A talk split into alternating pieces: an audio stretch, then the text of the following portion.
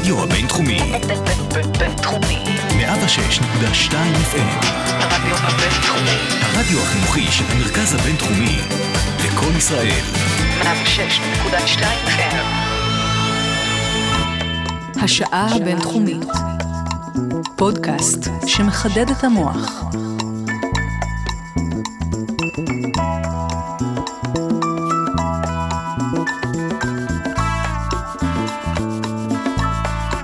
שלום וברכה לכל המאזינות והמאזינים. אנחנו כאן בתוכנית אה, נוספת של השעה הבינתחומית, אה, והיום אה, את ככה כל, לא כל, אבל רבים מבכירי המשטר ככה מובלים וצועדים אל חדרי חקירות. לא ניתן שלא לתהות על הצלחת ודרכה, הצלחת הדרך של השיטה הדמוקרטית, ובאמת בשעה הקרובה אנחנו ככה נעסוק בדמוקרטיה, בתפקיד שלה, האם היא ממלאת אותו בהצלחה, ואילו אלטרנטיבות יש, והאם הן ראויות. ובאמת אפשריות.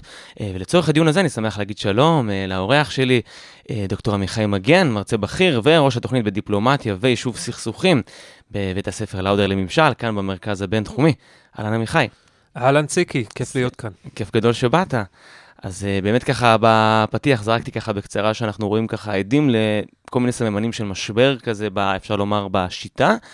Uh, אז בואו ברשותך נחזור רגע לשורשים.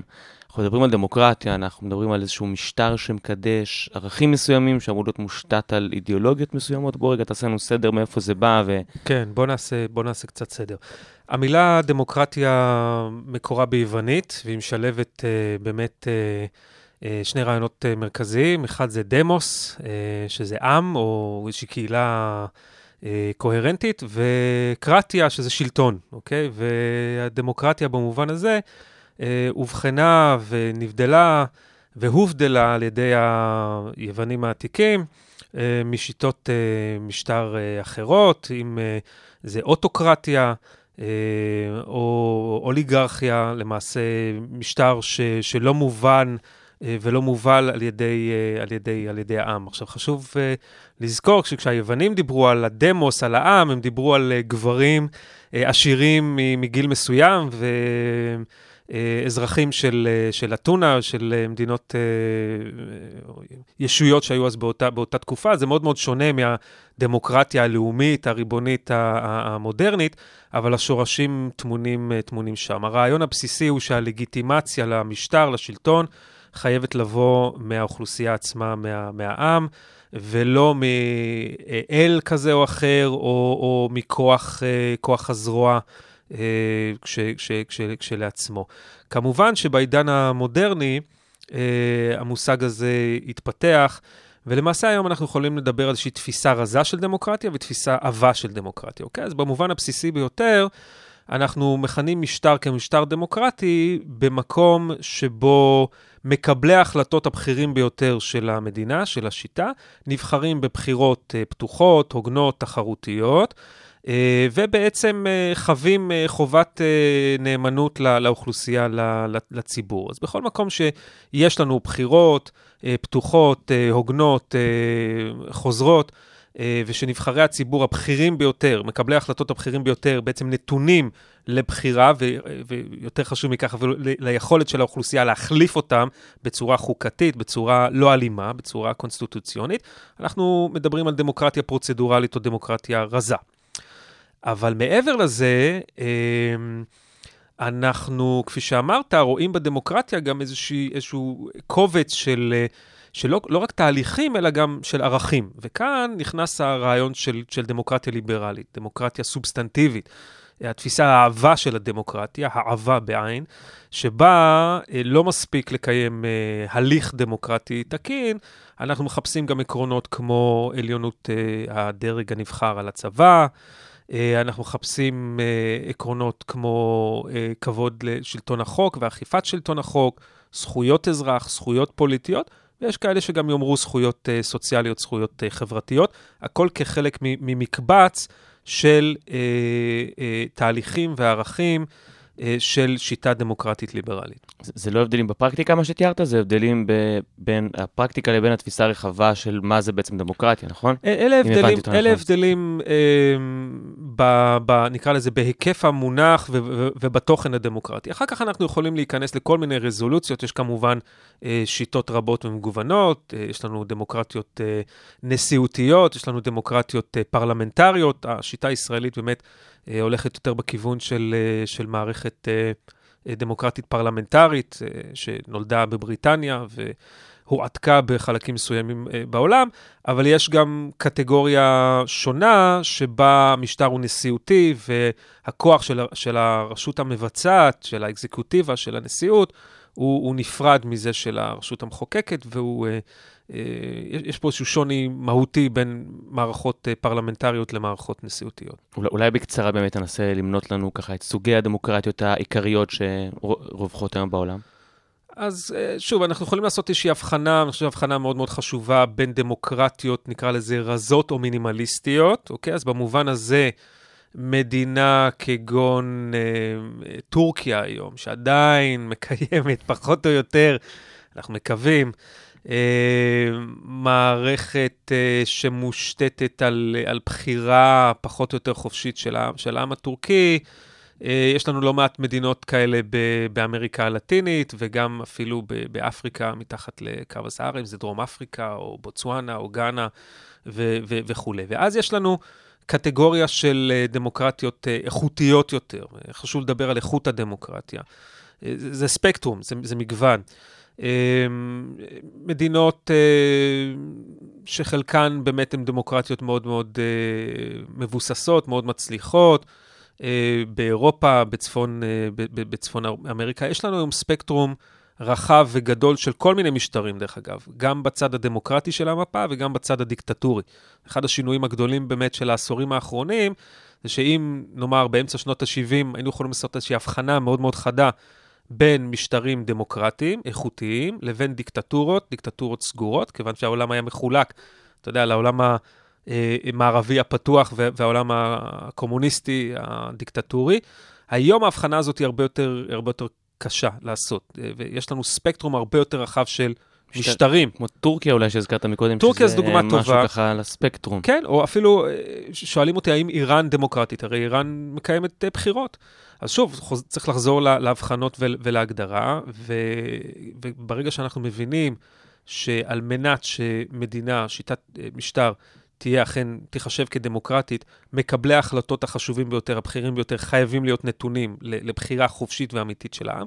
אנחנו מבינים שאיראן איננה, איננה דמוקרטיה, כיוון שיש שם שלטון אה, תיאולוגי. המנהיג העליון של איראן הוא לא נבחר, הוא מנהיג אה, אה, דתי, והוא למעשה מאפשר מעין מגרש משחקים, אה, לא, לא הייתי רוצה לקרוא לו דמוקרטי, אבל, אבל פלורליסטי, ב, ב, בהקשרים מסוימים, ש, שבהם העם האיראני מסוגל לבחור, נאמר, נשיא, אה, אבל אותו נשיא כפוף אה, לכללי המולות. אה, ו- וכולי וכולי. אנחנו רואים דבר דומה, או לפחות ראינו בעבר ב- ברוסיה, שבה מאז שנת 2000 לא ניתן להגדיר את רוסיה כדמוקרטיה, אבל עדיין יש לנו איזשהו תהליך אה, לכאורה של, של בחירות לדומה ו- ו- וכולי. יש לנו לא מעט משטרים שאנחנו מכנים אותם משטרים אוטוריט- אוטוריטריים, אבל איזה שהם סממנים פלורליסטיים. להבדיל ממשטרים כמו צפון קוריאה, או כמו טורקמניסטן או ערב הסעודית, ששם אין, אין אפילו התארגנות אה, מסודרת של אופוזיציה, אה, שלא נדבר על אה, תחרות מפלגתית. ו- ובאיזה שלב ב, בעצם ב, בהיסטוריה, אפשר לומר, הדמוקרטיה תפסה ככה את ההילה המאוד uh, זוהרת שלה, נגיד, בקרב המערב ובקרב, כאילו, הרבה עמים נושאים אליה עיניים כן. בתור צורת השלטון הכי... כן, זו שאלה מצוינת. אמ, ב- ב- בעולם המודרני צריך להבין שהדמוקרטיה הלאומית הריבונית היא, היא מאוד מאוד שונה מת- מתפיסות עתיקות של, ה- של הדמוקרטיה. אז אנחנו בעצם אה, מדברים על תופעה שהיא תופעה מודרנית, תופעה שבעצם אה, יש לה שורשים כבר בשלהי המאה, המאה ה-18. המהפכה האמריקאית, המהפכה הצרפתית, אבל בעצם כשיטת שלטון שאנחנו היום מגדירים אה, כדמוקרטית, אנחנו מתחילים לראות את היווצרות הדמוקרטיות הראשונות החל מהעשור השני והשלישי והרביעי של, של המאה ה-19, אוקיי? זה בא בד בבד עם המהפכה התעשייתית, שבעצם אה, גורמת לכך שאוכלוסיות רבות שעבדו כ- כעובדי אדמה עוברים למרכזים העירוניים, לערים, מתחיל, מת- מתחיל להיווצר איזשהו מעמד, אה, מעמד ביניים, ואותו מעמד ביניים מתחיל להתארגן במפלגות, אה, מתחיל אה, בעצם לדרוש זכויות פוליטיות וזכויות אזרחיות בצורה מאורגנת, ובסופו של דבר הש- השלטון בבריטניה, בכמה מדינות סקנדינביות, מתחילים באמת לקבל אה, תצורות שאנחנו היום מזהים כ- כ- כדמוקרטיה, במובן שאנחנו הגדרנו והבנו. אה, התופעה הזאת היא תופעה מינורית לאורך תקופה מאוד מאוד ארוכה. חשוב מאוד לזכור שיש לנו גלים של דמוקרטיזציה בעולם, יש לנו אה, תקופות שבהן מספר הדמוקרטיות בעולם עולה, ותקופות שבהן הוא יורד. כמו עכשיו נגיע, בעצם, כן. נגיע ל- ל- ל- ל- ל- לנושא הזה קצת יותר מאוחר, אבל למעשה, עד אמצע שנות ה-70, הדמוקרטיה נמצאת במיעוט שבמיעוט בעולם. אתן לך כמה, כמה מושגים. סוף, סוף שנות ה-70? אמצע שנות, אמצע שנות סוף ה-70, אם היינו מסתכלים על העולם אה, ב-1974, 1975 לצורך העניין, היו פחות מ-40 דמוקרטיות בעולם, הם היוו 27% מ- ממדינות, ממדינות העולם. כשאתה עושה אז fast forward לשנת 2004, 2005, אז יש לנו כבר אה, 123, 124 מדינות שהן דמוקרטיות במובן המינימליסטי ש, שדיברנו עליו, הפרוצדורלי. זאת אומרת, יש כאן מהפכה אה, דמוקרטית אה, פנומנלית. ב-30-40 שנים בעצם היה פה. ב-30-40 השנים של אה, בין אה, אמצע שנות ה-70, בוא נאמר שנת אה, 2004, שנת, שנת 2005, ואז הגענו לאיזשהו שיא מסוים, ובעשור האחרון אנחנו חווים אה, מעין מש, משברון, עדיין לא קריסה מסיבית במספר הדמוקרטיות בעולם, אבל כן אה, תחושה שהדברים לא נעים ב, ב, בכיוון, אה, בכ, בכיוון, בכיוון הנכון. אבל ה, אותה מהפכה דמוקרטית שהעולם חווה, מה שסמיול הנטינגטון אה, כינה הגל השלישי, אה, זו מהפכה ששינתה את, אה, את פני העולם, והיא בעצם היוותה מין אה, יישום של עקרונות, של תפיסה ליברלית אה, אה, בין, אה, בינלאומית, אה, שקיימת איתנו כבר אה, קרוב ל-100 שנים. אני רק אוסיף עוד, עוד ממד אחד, כי אני חושב שהוא נורא נורא חשוב. כולנו נולדנו לתוך איזשהו סדר ליברלי עולמי, שרואה את הדמוקרטיה כשיטת השלטון המקובלת, הסטנדרטית, הרגילה. שוב, זאת אנומליה היסטורית, זו תופעה די חדשה. ולכן, אני חושב שאנחנו צריכים נורא להיזהר ולחשוב שזה תמיד היה שם, ולכן זה יציב, ולכן זה תמיד, תמיד יהיה שם. הדמוקרטיה המודרנית היא סוג של נס. היא סוג של נס שהשגנו בדם, יזע ו- ו- ודמעות, וחשוב שכל דור ודור ישמר אותה, כי היא באמת נותנת יתרונות מאוד מאוד גדולים לאנושות. אבל התפיסה שבאה ואומרת, זה תמיד היה שם, זה תמיד יהיה שם, היא פשוט, היא פשוט לא, לא נכונה. זה משהו שהצלחנו כמין אנושי לבנות ולהשיג, לא בצורה מושלמת, לא, לא בצורה אוניברסלית כמובן, אבל בצורה מאוד מרשימה ב-30-40 שנים, שנים האחרונות.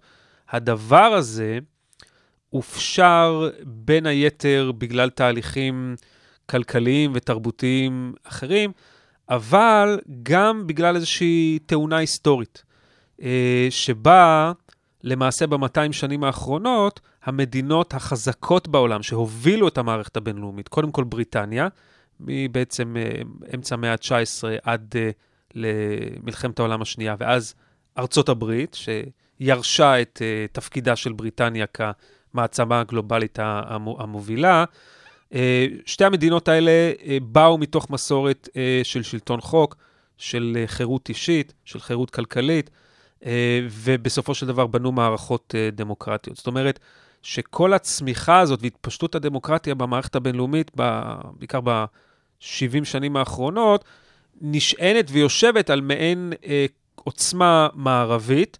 ועכשיו השאלה המאוד מאוד גדולה שעומדת לפתחנו, זה האם אם אנחנו עומדים אה, או נמצאים כבר בתוך איזשהו תהליך של שקיעה מערבית, של, של ירידה בכוחה אה, של ארצות הברית, אבל כל אותו סדר ליברלי עולמי שהאמריקאים אה, הובילו ב-70 70 פלוס שנים האחרונות. שהשפיע גם באופן ישיר בעצם על החוזק של הדמוקרטיה. בוודאי. בוודאי, בוודאי. אה, האם אה, חולשתה של, של, של אמריקה, חולשתו של, של המערב, יוביל בעצם לנטישה של השיטה הדמוקרטית בחלקים נרחבים בעולם, שאליה הגיעה הדמוקרטיה רק, בעש, רק בעשורים האחרונים. אני לא שם את ישראל בקטגוריה הזאת, אנחנו בטח אה, נגיע כן. לדבר על ישראל, אבל אה, באמריקה הלטינית, באפריקה, באסיה, אנחנו כבר רואים סממנים של התרופפות אה, ושל אה, קריסה, אה, ו- אה, אה, הידרדרות לא. באיכות, ה- באיכות הדמוקרטיה. כן. זה, זה נכון לא רק שם, זה נכון גם במערב עצמו, אבל נראה שאנחנו עומדים פתחו של איזשהו משבר דמוקרטי גלובלי. כן, אז באמת אנחנו מיד אחרי השיר הראשון, ברשותך נתחיל לעסוק במשבר הזה באמת דרך אה, ישראל והמצב שלנו פה. אה, שיר ראשון שבחרת, אה, עוד חוזר הניגון, אה, למילותיו של... אה, אלתרמן האחד והיחיד. ובלחן האולי קצת פחות מוכר, לפחות ברדיו הזה, אבל אה, של חווה אלברשטיין.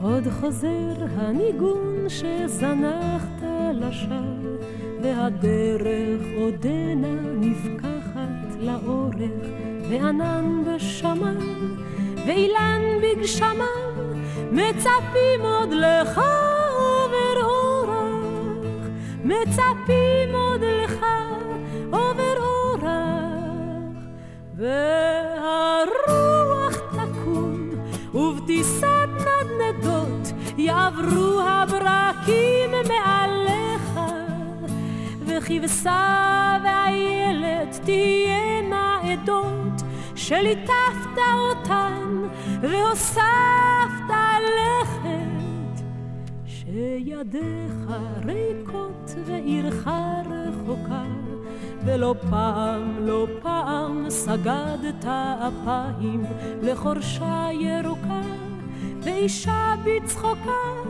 וצמרת גשומת עפפיים, וצמרת גשומת עפפיים, והרוח תקום, ובטיסת נדנדות יעברו הברקים מעליך, וכבשה ואיילת תהיינה עדות, שליטפת אותן והוספת לכת. חוזר הניגון שזנחת לשווא, והדרך עודנה נפקחת לאורך, וענן בשמיו, ואילן בגשמיו, מצפים עוד לך עובר אורח, מצפים עוד לך עובר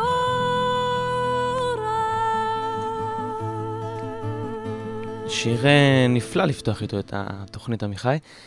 אה, אז ככה, לפני השיר דיברנו ככה, התחלת לגעת בשקיעתה של הדמוקרטיה, אולי זו קצת כותרת מפציצה על הזה, אבל אם אנחנו מסתכלים היום ככה חדשות לבקרים, אנחנו רואים את כל הבכירים שלנו מובלים לחקירות, אה, והרבה מראות לא נעימים לאחרונה לעין הממוצעת, אנחנו רואים גם בכנסת וגם מרגיש שמשהו שם לא, לא מתחבר לחזון היווני ההוא של... כן, ודאי. כן, אה, אנחנו, הדמוקרטיה הישראלית עוברת אה, בימים אלה ימים אה, לא קלים. יש כאן אפקט מצטבר של פרשויות שחיתות ושל תחושה הולכת וגוברת שמשהו כאן שבור, משהו כאן מקולקל, ושמצריך מצריך תיקון. אני רוצה לומר כמה, כמה דברים בהקשר הזה. קודם כל, אנחנו צריכים מאוד להיזהר אה, לא להעמיס על המושג דמוקרטיה יותר מדי. מה זאת אומרת? זה אומר ש... אל תצפו, לא תתאכזבו כזה? לא, לא, זה, זה אומר שאנחנו צריכים להשתמש במילים ובמונחים בצורה, בצורה מדויקת, ואנחנו צריכים לזכור שלכל חברה אנושית יש תקופות טובות יותר, תקופות טובות פחות. אנחנו צריכים לזכור שדמוקרטיה היא לא אה, כל, אה, כל, כל דבר יפה ונכון ו, ומסודר. זאת אומרת, לא, לא להשליך ולא לא למתוח את הקונספט הזה בצורה אה, כל כך חזקה ורחבה, שבעצם נרוקן, נרוקן את הדבר הזה מתוכן. עוד פעם, אני, אני אשמח כן. שתחדד את זה. אני, אחדד את זה. אה, במדעי המדינה, במדעי החברה, בעיקר כשאנחנו עוסקים בנושאים האלה, אה, בכלל, אני חושב שלקח מאוד חשוב לחיים זה להשתמש במילים בצורה מדויקת. וכשאנחנו מדברים על דמוקרטיה, אז יש דברים שנכללים בתוך הקונספט הזה, ויש דברים, ויש דברים שלא. אה, אנחנו צריכים מאוד להיזהר ממצב שבו כל מה שלא מוצא חן בעינינו הוא אנטי-דמוקרטי, וכל מה שכן מוצא חן בעינינו באותו, באותו רגע... הוא מהות הדמוקרטיה, הוא מהות ציפור נפשה. הדמוקרטיה, ב- בדיוק. אה, יש לנו גם מונחים אחרים לטפל בנושאים שונים, אם זה זכויות אדם, ואם זה זכויות אזרח, ואם זה שלטון החוק. אנחנו צריכים אה, להיות אה, זהירים ולא למתוח את המושג הזה, דמוקרטיה יתר על המידה, כי אז אנחנו פשוט מרוקנים אותו מתוכן. אז הדבר הראשון שאני מבקש שנעשה זה לקיים שיחה מפוקחת ואחראית על, על, על, על סביב הקונספט הזה של, אה, של דמוקרטיה. ולא אני- לא אם- לתלות בזה יותר מדי, לא, לא לתלות בזה יותר מדי. ככה, אם אני מבין אותך בין השורות, לצורך העניין, יש פה איזה סוג שאולי של ביקורת בסאבטקסט על, ה, על קריאות אה, זה סוף הדמוקרטיה, סוף... אה, כן, אני, אני חושב שאנחנו צריכים להיות הרבה יותר מפוקחים, הרבה יותר מסודרים, ועוד רגע אני יאמר ש, ש, שדמוקרטיה, במובן שאנחנו מבינים אותה, מדברים עליה, זה נושא, נושא מורכב, שיש לו ארבעה ממדים עיקריים, וישנם ממדים שבהם הדמוקרטיה הישראלית מצטיינת, וישנם ממדים שבהם הדמוקרטיה הישראלית אה, לא מצטיינת, בלשון המעטה, יש, ישנם ממדים שבהם אנחנו משתפרים, וממדים אחרים שבהם אנחנו, אה, אנחנו מידרדרים. אה, חשוב לזהות את הדברים האלה בצורה ממוקדת, כדי שנוכל לקיים שיח ציבורי בונה. אה, קונסטרוקטיבי, שנוכל לתקן את הדברים שצריך לתקן, ולא לא לזרוק, ולא. לא לזרוק, לא לשרוף את הקשרים, לא לשרוף את המועדון, ולא לוותר על השיטה בגלל אה, קלקולים, אה, קלקולים כאלה ואחרים. דבר שהוא, שהוא מאוד מאוד חשוב ש, ש, ש, שנזכור. בסדר? כן. בסדר גמור, ורק לשם הדיון, אני, אני מרגיש כאילו, נראה לי זה ברור, שאתה אתה יוצא מנקודת הנחה שהדמוקרטיה היא ב, באמת השיטה הכי טובה, ולכן אנחנו חייבים לשמור עליה, ואסור לראות אותה כמובנת מאליו וכולי, אבל אולי המסקנה יכולה להיות הפוכה רק לשם הדיון, כן. שאולי ההוכחה זה שזה לא עובד, אם זו שיטה חדשה שקיימת רק כמה עשרות שנים, ואנחנו רואים, אולי, לפחות לשם לא, הדיון, אפשר להגיד, בוא עובד- נבחן את זה. זה, זה עובד בצורה ספקטקולרית במקומות ש, שבהם זה, זה, זה נעשה בזה אתה אה, משוכנע. כמו, ש, כמו שצריך. אני חושב שגם ההיסטוריה של מדינת ישראל אה, וההישגים העצומים של מדינת ישראל בכל תחום, הם אה, תולדה במידה רבה של מערכת, המערכת השלטונית שלנו. זה, אה, אה, וכשאתה רואה מי מהמדינות המ- המצליחות בעולם, בכל, בכל קנה מידה, אה, מדובר במדינות ליברליות דמוקרטיות, עדיין. אף אחד לא רץ אה, להגר לסין ולא ל, לא, ל, לא לרוסיה. אה, עדיין, אה, כששואלים קהלים בכל העולם, אה, באיזה, באיזה שיטת משטר הם ירצו לחיות, התשובה, אה, בעיקר במדינות שבהן אין דמוקרטיה, אה, היא שהם רוצים לחיות בשיטת משטר, אה, משטר חו- אה, חופשית. עכשיו שוב, צריך להיזהר ולא להעמיס על הקונספט הזה יותר אה, מדי. וינסטון צ'רצ'יל פעם אמר דבר נפלא על הדמוקרטיה, שהיא שיטת השלטון הגרועה ביותר אה, שקיימת, חוץ מכל יתר השיטות שהומצאו על ידי האדם. אוקיי? היא לא מושלמת. ויש הרבה דברים בדמוקרטיה שהם אה, לפעמים נראים מאוד אה, קולניים ולא נעימים ולא לא תמיד מנומסים. וכלפי חוץ, דמוקרטיות יכולות להיראות מאוד מאוד שבריריות, כיוון שאנחנו רואים את הכביסה המלוכלכת בחוץ. אנחנו לא רואים את הכביסה המלוכלכת במשטרים סגורים וטוטליטריים.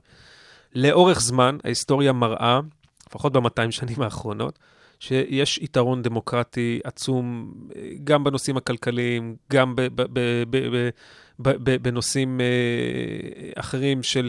ש, שדמוקרטיות, זה לא שדמוקרטיות לא עושות טעויות, זה לא שיש להן תקופות טובות יותר, תקופות טובות פחות, זה נכון לגבי כל מדינה וכל דמוקרטיה, כולל, כולל שלנו.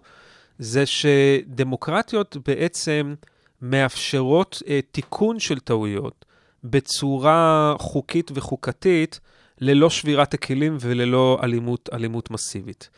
ולכן, אחד, ושתיים, זה ש... זאת אומרת, גם אם המצב שם נשבר וגרוע, נכון, עדיין היכולת לתקן. שם היא הכי סבירה נכון. מבין שאר השיטות. כל עוד אתה מקיים את, אה, ומשמר את כללי המשחק הדמוקרטיים, אתה יכול, אתה יכול לתקן. כולנו עושים טעויות, כל חברה אנושית עושה, עושה טעויות.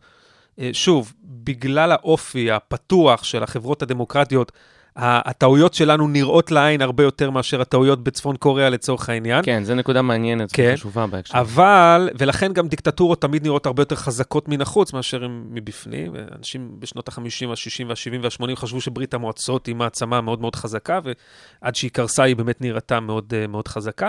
זה נכון, דרך אגב, לגבי צפון קוריאה, זה נכון אה, לגבי איראן ומשטרים משטרים אה, אחרים. האופי הדמוקרטי, השיח, אה, הופך אותנו ליותר שקופים. אה, ולכן הדברים אה, נראים לפעמים אה, זאת אומרת, יותר שקופים. יות- יות- יותר, שקופ, יותר שקופים, יותר פתוחים. זאת אומרת, אנחנו יכולים לראות... אה, שקופים במובן של שקיפות המערכת, כן, כן. כן. ו- ו- ולכן אנחנו מוציאים החוצה יותר בעיות ומלבנים אותם ו- ודואגים אה, עליהם, אבל אלה, אלה סממנים לח- לחוזק ולא לא, ל- לא לחולשה. אה, ומה שיש לנו, יש לנו המון ספרות מקצועית בנושאים האלה. אה, וה- והספרות המקצועית אה, מראה שלכל הפחות אה, דמוקרטיות נמנעות מהטעויות הבאמת באמת באמת. קטסטרופליות שהאנושות יכולה לטעות הן? בהן. מלחמות אזרחים. מעולם לא הייתה מלחמת אזרחים בדמוקרטיה ליברלית מתפקדת. רעב כבד, אנחנו, תימן היום חווה רעב אה, כבד. אה, יש לנו במאה, אתה יודע, אה, אנחנו אוטוטו ב-2018, רעב אה, כבד ב- ב- ב- בתימן, או בדארפור, ב- בסודאן, במקומות אחרים. אה, דמוקרטיה ליברלית מעולם לא חוותה, לא לא חוותה רעב. אבל שאתה וכנראה- אומר, מעולם אנחנו מדברים על לא, לא, לא על כל כך הרבה שנים, אז אולי זה הסיבה? אמ, אבל יש לנו, יש לנו כבר מספיק, אה, מספיק שנים. זה, זה, לא, זה לא איזושהי תופעה, אמ, אתה יודע, של 20-30 שנה. יש לנו כבר ניסיון של פרק זמן 150, היסטורי, אתה אומר, בשביל לבחון 200 את זה. שנה כדי לבחון את, ה, את, ה, את, ה, את, ה, את הדברים האלה.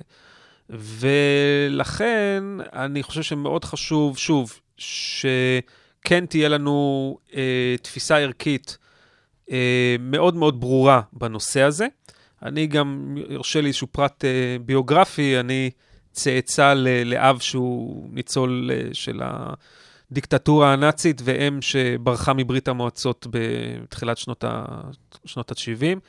אה, בהיסטוריה המשפחתית שלי, אה, החוויה של מה זה לחיות בשיטה טוטליטרית, מה, מה זה לחיות במדינה שבה בכל רגע נתון יכולה לבוא דפיקה בדלת ו... אה, לשלול לך לשלול לך כל, ו- כל זכות ולקחת אותך לגולאג ו- ו- ותיעלם וכולי. הדבר הזה מאוד מאוד אה, קרוב, אה, קרוב לליבי. אני חושב שזה צריך להיות דבר שהוא, שהוא קרוב ל- ללב של, של, של כולנו, ושאנחנו חייבים לשמר, להבין, אה, קודם כל, אה, לזהות את המקומות שבהם אנחנו מתפקדים פחות או יותר בסדר. יותר, יותר חשוב מכך לזהות את המקומות שבהם יש לנו חולשות, אה, לשמור מכל משמר על הערכים והעקרונות והמוסדות, ולתקן. לא, לא לזרוק לפח, אה, לא לשרוף קשרים, לא לשרוף את המועדון, אה, לזהות את הכשלים ולעבוד יחד כדי לשפר וכדי אה, כדי לתקן, ויש הרבה, הרבה מה לתקן. וזה נכון גם היום גם לגבי בריטניה וגם לגבי גרמניה וגם לגבי ארצות הברית. אני רוצה לומר פה ב, ב, ב, בהקשר הזה, דיברנו על נס הדמוקרטיה. אז הנס, הדמוקרטיה הישראלית זה, זה נס כפול ומכופל. אם הייתי אומר לך אה, שבפינה נידחת של המזרח התיכון, במקום אה, מוכה במלחמות ו- ו- ואלימות, קבוצה של אנשים שהמנהיגות שלה לא באה מתרבות דמוקרטית, אלא באה ממשטרים אה, ברוסיה, בפולין, בגליציה, באוקראינה, תצליח אה, לבנות מדינה אה, פלורליסטית, פתוחה, ליברלית, משגשגת, תוך, תוך כדי כך שהיא קולטת מיליוני אנשים כמהגרים, שוב, לא מסקנדינביה ומבריטניה ומארצות הברית, גם משם, אבל במספרים יחסית קטנים, אבל מתרבויות, ממקומות ללא מסורת דמוקרטית. ו- ובאותה מדינה הממסד הצבאי יהיה אה, מרכזי לקיום לקיום המדינה. ואותה מדינה תחווה מלחמות והיפר-אינפלציה ורצח של ראש ממשלה ומה לא, ועדיין אה, תצליח לקיים שיטת משטר אה, דמוקרטית, אה, פלורליסטית, אה, פתוחה, אה, זה נס כפול, כפול ומכופל. אנחנו, מדינת ישראל זה נס דמוקרטי. אה, הוא, כמו כל דמוקרטיה, כמו כל אה, מערכת פלורליסטית פתוחה, זה דבר שצריך לתחזק אותו, זה דבר שצריך אה, לדאוג לו, זה דבר שצריך אה, לשים אה, לב לכשלים ול, ולתקן אותם, אבל אף פעם לא לשכוח מה האלטרנטיבה, ואף פעם לא לשכוח כמה אנשים טובים הקריבו אה, כל כך הרבה, כדי שיהיו לנו את החירויות ואת החופש שאנחנו לוקחים אותו הרבה פעמים כמובן מאליו. אסור לנו כן, לקחת זה- אותו כמובן האמת שזה כבר משמח לשמוע ככה את ה... איך אתה... אה, בכל זאת, לא- לא לא רואה את הדברים כמובנים מאליהם, וככה באמת, אה, כי אנחנו על רקע של ימים באמת עם הרבה ביקורת על השיטה הדמוקרטית, ולעיתים גם, כפי שתיארת, אולי קריאות של, אה, אתה יודע, הבית נשרף שלא בצדק, אבל אולי ברשותך באמת אמרת שיש דברים שעובדים נכון, דברים שלא עובדים נכון, אז אנחנו יודעים בזמן האחרון, בשנים, כאילו, כבר לא מעט, אה, תקופה ארוכה, ראש ממשלה נכנס לכלא ואין סוף אה, נחקרים, אז מה לא עובד נכון? איך זה שהתחושה היא שהאנשים הולכים להצביע ומה שקורה בסוף לא מייצג אותם, כן. ואנשים הולכים ופחות מצביעים, ומשהו פה לא... בוא, בוא תנסה אולי לדייק מה, מה, כן. מה בכל זאת לא עובד. טוב, אז, אז כדי באמת להיכנס לעובי הקורה בהקשר הזה, אנחנו צריכים לחשוב על מהי דמוקרטיה איכותית. זאת אומרת, איך אנחנו חושבים על, על, על מערכת שכן עובדת. וכאן, כאמור, אני חושב שיש יש ארבעה, ארבעה ממדים. אני יודע שזה אחד יותר מה שנהוג בצה"ל, אולי זה קצת אה, קשה לנו. לא, לא, לא, אבל זה אני- אנחנו- דווקא עדיף. יש לנו אה, מאזינים אינטליגנטים, ואנחנו נדבר בצורה, בצורה אינטליגנטית. אה, כשאנחנו מסתכלים על כל מערכת דמוקרטית, כולל הדמוקרטיה הישראלית, אנחנו צריכים להסתכל על ארבעה ממדים עיקריים. א', על ההליך הדמוקרטי, על הפתיחות והתחרותיות של ההליך. וכאן מדינת ישראל מצטיינת, שלא כמו דמוקרטיות מערביות אח- אחרות, אה, אחוז המשתתפים בבחירות במדינת ישראל, בבחירות הכלליות, הוא יחסית מאוד מאוד גבוה. אבל אחוז- בפריימריז, שזה זה עדיין קצת שייך למתי מעט, לא? אז אולי יש את האפשרות, לא, אבל אני אז רוב מדבר פה על אחוז ההשתתפות בבחירות הכלליות מקרב האוכלוסייה. אה, אה, בבחירות לא, לא, הכלליות, לא בפריימריז. אבל יש תחושה שהפער אולי שאנחנו רואים בכנסת הוא נובע בין זה שאחוז מסוים מצביע בבחירות הכלליות, אבל בפריימריז מצביע אחוז קטן יותר, שהוא כן. בעצם קובע את הטון אבל בסוף. תזכור, א', שישנן מפלגות בישראל שמקיימות פריימריז וישנן מפלגות שלא לא מקיימות כן, לדוגמה, פריימריז. ניקח את מפלגת השלטון עכשיו, כן. דוגמה, זו דוגמה שנראית לי... אבל זו דוגמה מצוינת, כי פה אנחנו מדברים לא על אחוזי הצבעה בבחירות, אלא אחוזי התפקדות למפלגות. אנחנו רואים במערב ירידה חדה וקונסיסטנטית במספר האנשים שמתפקדים למפלגות ובעצם משתתפים בהליך הדמוקרטי שלא ביום בחירות אחת לארבע שנים, אלא בצורה יותר, אה, יותר. באופן יותר קבוע. אה, כל התופעה של הליכודניקים החדשים, לדוגמה, הזכרת את מפלגת השלטון, שאנשים צעירים אה, בוחרים להתפקד למפלגה ולהשפיע ולנסות לשנות מבפנים. אני חושב שזה אה, מצביע על, אה, על, על חוסן מסוים ועל, ועל אמון ביכולת לשנות את המערכת מבפנים. אני חושב שזה דבר מאוד מאוד חשוב. אה, קח את הנושא של כסף. אה, חסם מאוד מאוד גדול להשתתפות בהליך הדמוקרטי בארצות הברית לצורך העניין. היום, אם אתה רוצה להריץ קמפיין ריאלי לקונגרס, שלא נדבר על הסנאט או לנשיאות, במדינה זולה, אה, במרכאות כפולות, כמו ארקנסה או טנסי, אני לא מדבר על ניו יורק או קליפורניה, אתה צריך לגייס משהו כמו אה, בין אה, 25 ל-40 מיליון דולר כדי להתמודד על, על מושב בקונגרס האמריקאי. גם בארץ, בלי כסף אתה לא... כן, אבל אנחנו? מדברים פה על סכומים הרבה הרבה הרבה הרבה יותר קטנים. אתה יכול לה, להרים קמפיין אה, מכובד, יפה, אפילו אפקטיבי, בתוך מפלגה גדולה היום בישראל, מפלגה, מפלגה שיש בה פריימריז, אה, בעלות אה, מינורית, אולי זניחה בהשוואה ל, ל, אה, ל, למצב בארצות הברית. ולדבר הזה יש השלכות אה, פרו-דמוקרטיות עצומות. זה אומר שפעיל שטח, זה אומר שמישהו שבאמת בא מה, מהעם ומהשטח, ויכול להקים אה, ולה- ו- ו- ו- ו- ולהשתלב בכנסת, וראינו, יש לא מעט אנשים כאלה בכנסת הנוכחית וכנסות קודמות, מבלי שיצטרך ללכת ולגייס אה, מיליוני אה, שקלים או דולרים לצורך העניין, וכאשר יש, קיים הצורך הזה, אז כמובן אתה לא, אתה לא הולך לאזרח הפשוט אה, ברחוב, אתה הולך לבעלי אינטרסים וכולי. הדבר הזה נחסך מאיתנו במידה מסוימת, במידה רבה. בהשוואה לארצות הברית, והנה שוב דוגמה למקום שבו הדמוקרטיה הישראלית יש, לה, יש לה חוזקות, וזה דבר שחשוב חשוב לשמר. היו וישנם רעיונות אה, לאפשר באמת אה, להעלות בצורה מאוד משמעותית את, ה, את רף גיוס הכספים, וכאן אני רואה פה איזושהי סכנה, שאם הדבר הזה אכן יתממש, אה, זה ידיר את זה, זה, רגליהם זה בעצם של- יפגע באיכות ההליך הדמוקרטי בישראל. אוקיי? אז יש לנו את הנושא של ההליך. כן. אחר זה- כך זה לנו- הממד הראשון בעצם. זה הממד הראשון, אוקיי. סליחה, כן. הממד השני הוא התוכן הדמוקרטי, נכון? דיברנו על, על הרוח הליברלית, על, על שלטון החוק, על המאבק בשחיתות, על uh, זכויות אזרח, זכויות פוליטיות, ויש כאלה שגם אמרו זכויות חברתיות. וכאן אני חושב שהתמונה היא די, אה, אה, היא, היא לא אחידה, היא, היא די, היא די רב, רב-גונית.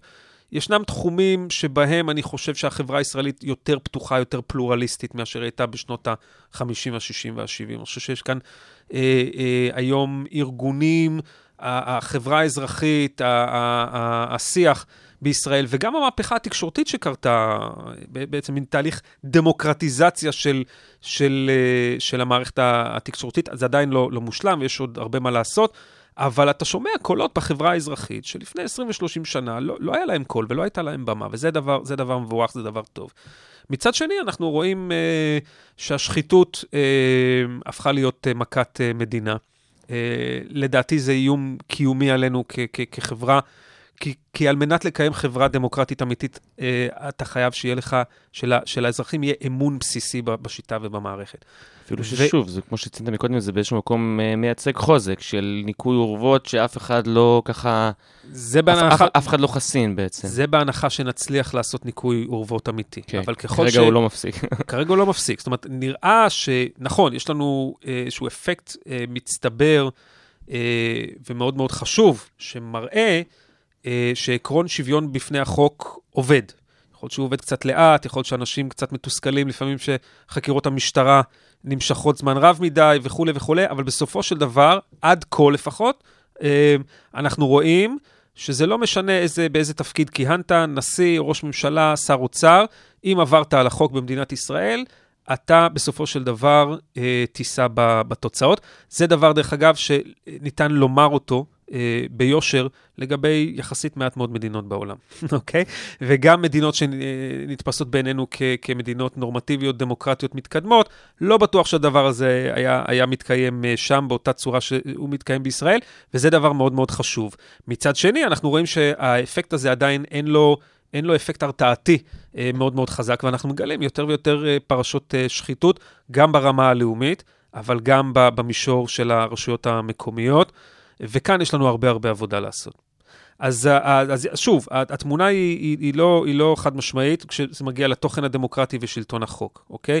אבל יש אזורים, יש תחומים שמאוד חשוב להגדיר אותם, שבהם יש לנו אה, הרבה עבודה לעשות, ומאוד מאוד חשוב שנעשה את זה, אה, כי ברגע שנגיע למצב שבו אחוזים גדולים מספיק מהציבור הישראלי מאבדים אמון במערכת ובשיטה, ומשתכנעים שבמרכאות כפולות כולם מושחתים, אנחנו נימצא בבעיה מאוד מאוד שם כבר יהיה הרבה יותר קשה לשקם. את מאוד מאוד היסוד. עמוקה, ולדבר הזה יש השלכות מרחיקות לכת בתחום הביטחון הלאומי, אה, ושימור אה, מוחות בישראל וכולי וכולי וכולי. אני חושב שזה תחום שבו אנחנו נזקקים באמת לבדק בית מאוד מאוד רציני ולעבודה מאוד מאוד רצינית. ומאוד חשוב שאנחנו כחברה אזרחית נתגייס, ואני מאוד שמחתי על ההפגנה שהייתה אה, לפני אה, מספר אה, ימים, חבר'ה יצאו לרחובות ואמרו, עד כאן, זה לא יעבור. מאוד חשוב לשלוח את, ה, את, ה, את, ה, את המסר הזה לפוליטיקאים, ואנחנו רואים שיש גם מנגנוני תיקון שקיימים בתוך, ה, בתוך המערכת. אז זה הממד השני. אתה רוצה לעשות הפסקה? אז זהו, נגענו בתהליך ונגענו בתוכן. נכון. אה, ברשותך, נעשה הפסקה של אה, ברוס ספרינגסטין, אה. ומיד אחריו נשוב להמשך של זה.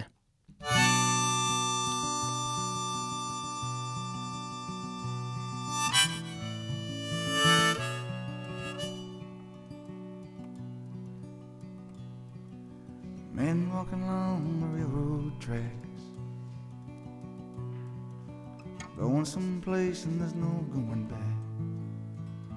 Highway patrol choppers coming up over ridge. Hot soup on a campfire in the bridge. Shelter line stretching round the corner. Welcome to the new world order. Family sleeping in their cars in the southwest. No home, no job, no peace, no rest. Well, the highway is alive tonight. But nobody's kidding nobody about where it goes. I'm sitting down here in the campfire line. Searching for the ghost of Tom Joe. He pulls a prayer book out of his sleeping bag. Preacher lights up a butt and takes the drag. Waiting for when the last shall be first and the first shall be last. In a cardboard box neath the underpass. Got a one way ticket to the promised land.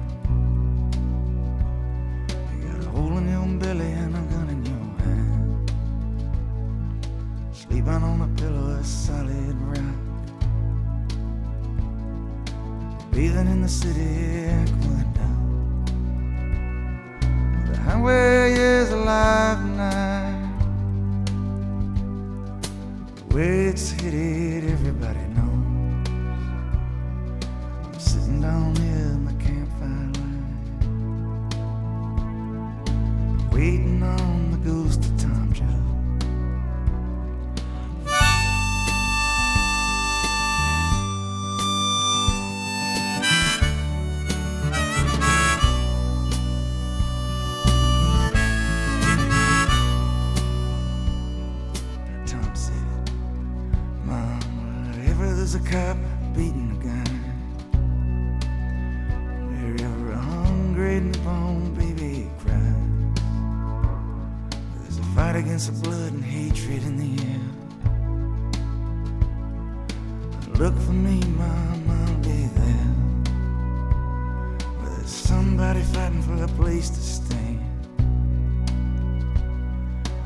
decent job or a helping hand.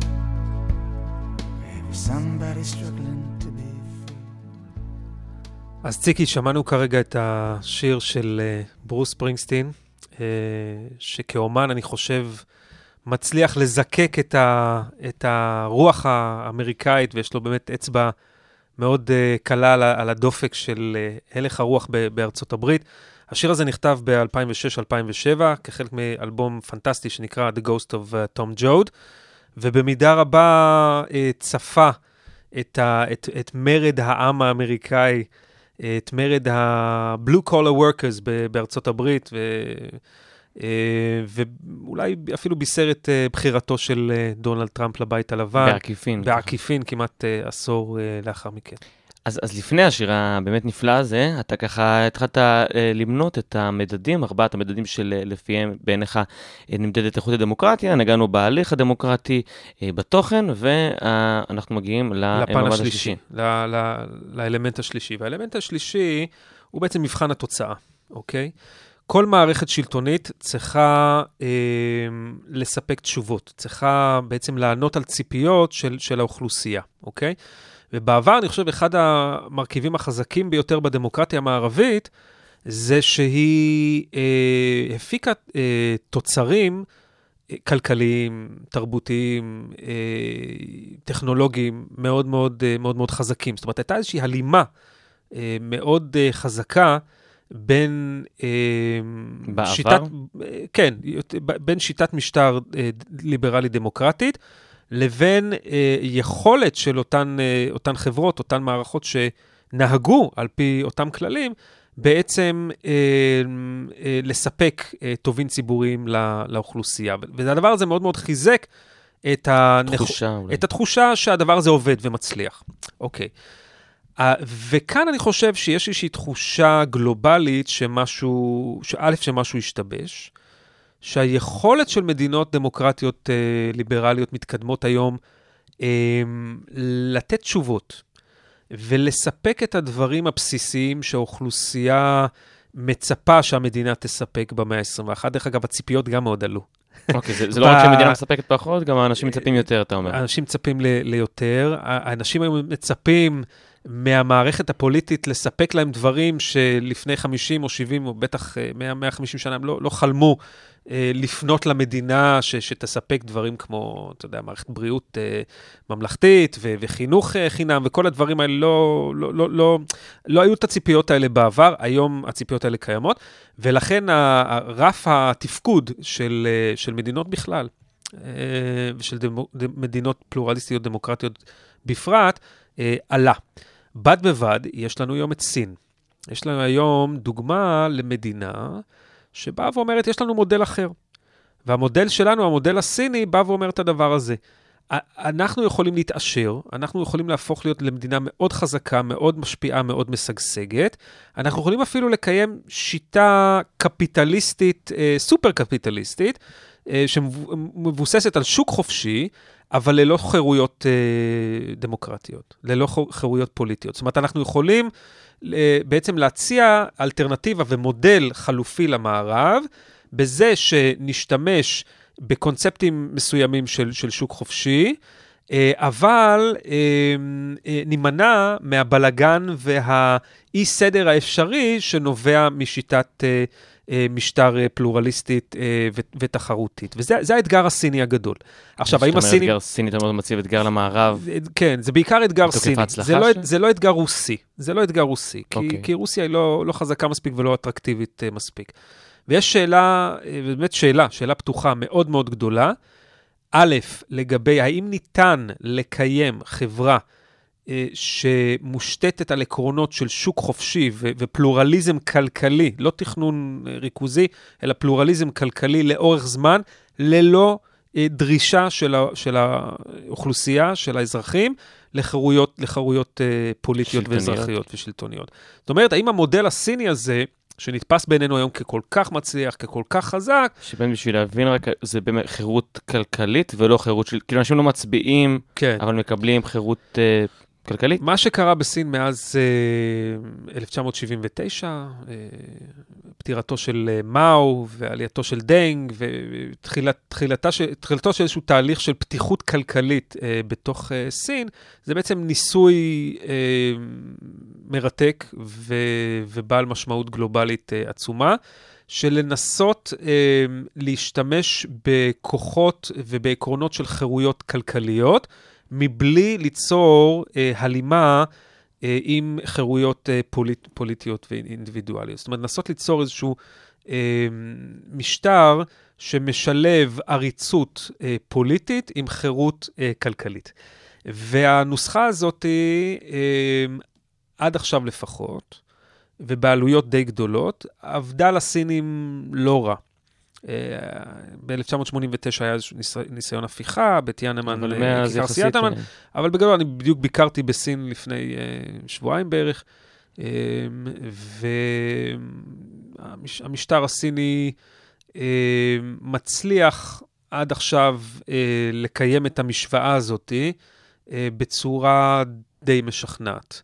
ויותר מזה, תחת הנהגתו של, של היושב ראש הנוכחי, אה, צ'י ז'ינפינג, הוא אה, ביודעין מתחיל אה, לתאר את סין כאיזשהו מודל חלופי לדמוקרטיה המערבית, שהסינים כבר- רואים כבר קורא תיגר בעצם כן, דרך ה- קורא תיגר בצורה פתוחה, זה כבר, זה כבר אה, בחוץ. אה, ובעצם מציעים את המודל הסיני כחלופה לדמוקרטיה המערבית. ואנחנו נמצאים באיזושהי נקודת זמן מאוד מאוד מעניינת, ש... שבה, שוב, יש לנו איזושהי תחרות אידיאולוגית מאוד מאוד עמוקה. אנחנו כבר לא רגילים להיות, אנחנו כד... כמערב, כד... כעולם הדמוקרטי, לא כל כך רגילים להיות בתחרות אידיאולוגית. הפעם האחרונה שהייתה לנו תחרות כזאת הייתה בשנות ה... בשנות ה-80, כבר עבר די הרבה זמן. אבל אנחנו נמצאים היום באיזושהי תחרות אידיאולוגית, בעיקר עם סין, אה, והשאלה, שאלת טריליון הדולר היא, האם הסינים יצליחו לקיים לאורך זמן את הדיכוטומיה הזאת, את ההפרדה הזאת, והאם סין והמודל הזה אה, בעצם אה, לאורך זמן יוכל לקרוא תיגר על, ה, על, ה, על הדמוקרטיה הליברלית והפתוחה. ומה אתה סבור? יש באמת סיכוי, כי אנחנו חוזרים לתחילת התוכנית, אתה היית, לא היית, אתה בעצם משדר שאתה בלב שלם מאמין בשיטה הדמוקרטית, בערכים הדמוקרטיים, אבל אולי אנחנו רואים פה שיטת כן. משטר שמוצלחת יותר, טובה כן, יותר? אני, אני, אני, יש לי מחויבות ערכית אה, למארג הזה של העקרונות, של הערכים, של, ה, של, ה, של התהליכים. לא בגלל איזושהי, לא רק, בוא, בוא נאמר, לא, לא רק במישור הנורמטיבי הערכי, זה, זה קיים וזה, וזה חשוב שזה, שזה יהיה קיים. אבל אני באמת מאמין שלאורך זמן, אה, שיטות פלורליסטיות פתוחות, ליברליות, מצליחות להתמודד עם אתגרים בצורה אה, טובה יותר, ממזערות קטסטרופות, זה לא אומר שהן לא עושות טעויות, אבל ממזערות קטסטרופות, ולאורך זמן זו, זו באמת אה, אה, שיטת המשטר כנראה הטובה ביותר שהמין האנושי מסוגל, מסוגל אה, להפיק. אבל אני לא עיוור לאפשרות שאם אנחנו בעשורים הקרובים נמשיך ונראה את המערב מפולג, אה, חלש כלכלית, אה, מסוכסך עם עצמו, ותקוע, ואם אנחנו לא נחדש את הפלורליזם, את הליברליזם ואת הדמוקרטיה, וזה דבר שמצריך חידוש והמצאה מחדש כל אחת לכמה, לכמה עשורים, אם לא נעשה את זה, אז מטבע הדברים, אה, אנשים אה, בעולם אה, יפנו ויסתכלו על מערכות, מערכות אחרות, ו, ו, ואם הסינים ימשיכו להראות אחוזי צמיחה כלכלית גבוהים כל כך, ובאמת התחזקות צבאית, כלכלית, תרבותית, מטבע הדברים, הם ימשכו יותר ויותר אנשים למודל שלהם. שוב, אנחנו נמצאים במצב של תחרות. אני חושב שזה באמת, א', זה בידיים שלנו, בידיים של המערב. אנחנו עדיין, אה, יש לנו את הטכנולוגיה הטובה ביותר, ואת האוניברסיטאות הטובות ביותר, ואת הרעיונות הטובים ביותר, ואנשים רוצים להגר למערב, הם לא רוצים להגר לסין או ל- לרוסיה. זאת אומרת, אנחנו עדיין נמצאים במצב של עליונות, אבל אסור לנו להיות שאננים. Uh, ההיסטוריה מלמדת uh, שצריך מאוד להיזהר מדטרמיניזם. אה, ולהאמין שהדבר הזה הוא כל כך אה, אטרקטיבי וכל כך טוב, שהוא תמיד היה ותמיד תמיד יהיה. זה, זה לא נכון, אה, וזה מצריך מאיתנו אה, מרץ חדש ומיקוד חדש. בשימור וחידוש הליברליזם והדמוקרטיה. הזכרת מקודם את טראמפ, ואולי מתוך הדברים שלך גם עולה איזשהו חשש שכבר אנחנו רואים אותו מתממש, של אנשים שבתוך המערכת בעצם קוראים עליה תיגר, לא צריך להיות ציני, אנשים מצביעים בהצבעה שהיא במובהק הצבעה שהיא אנטי-ממסדית, אם טראמפ הוא האב טיפוס שמייצג את זה, אנחנו רואים את זה נכון. בכל העולם. אנשים שאומרים, אני לא מאמין בשיטה ואני אנקום בדרך מועמד שגם בעצם כן. אצבע משולשת על המערכת. אנחנו רואים גל של פופוליזם ב- בתוך העולם המערבי. אמ, גלים כאלה כבר אה, היו, חווינו אותם בעבר, אם זה בשלהי המאה ה-19, אם זה בשנות ה-30, ואנחנו עכשיו עוברים תקופה של... אה, שוב, אתה מרגיע, אתה אומר, זה, זה לא, קורה. לא, אני, אני נותן קונטקסט היסטורי, אני, לא כן. לא, אני לא מרגיע. ההיסטוריה, ההיסטוריה לא יכולה לצפות מה, מה יהיה בעתיד, אבל היא יכולה לתת לנו פרספקטיבה. חשוב מאוד כן. שתהיה את, את אותה פרספקטיבה. עכשיו, השאלה הגדולה שנשאלת היא, מה תהיה התגובה שלנו ל, ל, לאתגר הזה שבא, שבא מבפנים? האם אנחנו נתקפל ונאפשר אה, פירוק של כל מה שבנינו ב-50-70 שנים האחרונות, שבאמת נת, נתן לנו תוצרים פנומנליים בכל מה שנוגע לחירות אישית ו- ושלום ו- ואושר כלכלי וכולי וכולי, או שהחברה האזרחית, המערכת הדמוקרטית, תתגייס, ובעצם אותו גל של פופוליזם יעזור לנו ויסייע לנו אה, לחזק את, ה, את, ה, את, הליברל, את הליברליזם ואת, ה, ואת הדמוקרטיה. זאת אומרת, כי יביא ו... לנו קונטר שנוכל כן, להצביע ולהגיד, כן. אתם לא רוצים להגיע לשם? זאת אומרת, אה, שהאתגר הזה אה, יגרום לנו, א', להבין כמה הדבר שברירי, ב', אה, לצאת מתוך איזושהי שאננות מסוימת, שאני חושב שהמפלגות המיינסטרים, היו בה כבר כמה, כמה עשורים. זה מאוד טוב, זה מאוד בריא, שמישהו בא ומאתגר את המערכת שלך אה, מבפנים. זה גורם לך לחשוב, זה גורם לך להתחדש. זאת אומרת, לטווח ארוך יכול להיות שהתהליך הזה בעצם מרענן כן, את המערכת שוב, ויחדד עמדות. אבל, אבל, אבל זה לא דבר שהוא מובן מאליו, זה דבר ששוב, הוא בידיים שלנו, והחדשות הטובות הן, שלא משנה מה נחשוב על אה, טראמפ, אה, בשלב, בשלב הזה, תהיינה בחירות בארצות הברית בעוד שלוש שנים, והעם האמריקאי, אה, תהיה לו הזדמנות להחליט אם אה, הוא ממשיך אה, בקו הזה או, או, משנה, או משנה קו. כל עוד אנחנו משמרים את החוקה, כל עוד אנחנו משמרים את כללי המש... המשחק הדמוקרטי, אוקיי?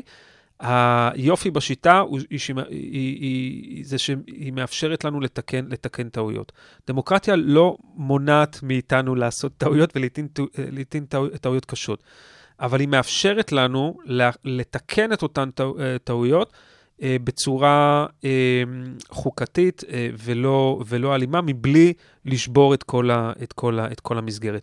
אנחנו רואים בתוך החברה הישראלית, בתוך המערכת הפוליטית הישראלית, גם סממנים לא, לאותו פופוליזם, וחשוב מאוד שנבין את התופעה הזאת, נבין את הסיכון שטמון בה לנו, ונפעל כדי למגר את הדבר הזה, אבל גם נשתמש באתגר הזה כהזדמנות לחדש ולהמציא מחדש עקרונות וערכים שיאפשרו לנו באמת לקיים מערכת דמוקרטית חזקה, פלורליסטית ושעונה על הצרכים של, ה, של האוכלוסייה. אני חייב להגיד לך שהגעתי לשעה הזאת עם תחושה שהולכת להיות שיחה מאוד uh, קודרת ככה ופסימית, וככה הצלחת, הצלחת לשמח אנחנו... ולהרגיש שבאמת ככה אם uh, נמשיך להתעקש עוד uh, ככה... כן. א', לא כזה גרוע, וגם אולי נכון. ימשיך ויהיה פה טוב. דוקטור עמיחי מגן, מרצה בכיר וראש התוכנית בדיפלומטיה ויישוב סכסוכים, בית הספר לאודר. אני מודה לך מאוד על השעה האחרונה, ואנחנו נאלצים לצערי לסיים, אפילו שיש עוד הרבה מה לדבר על הנושא הזה.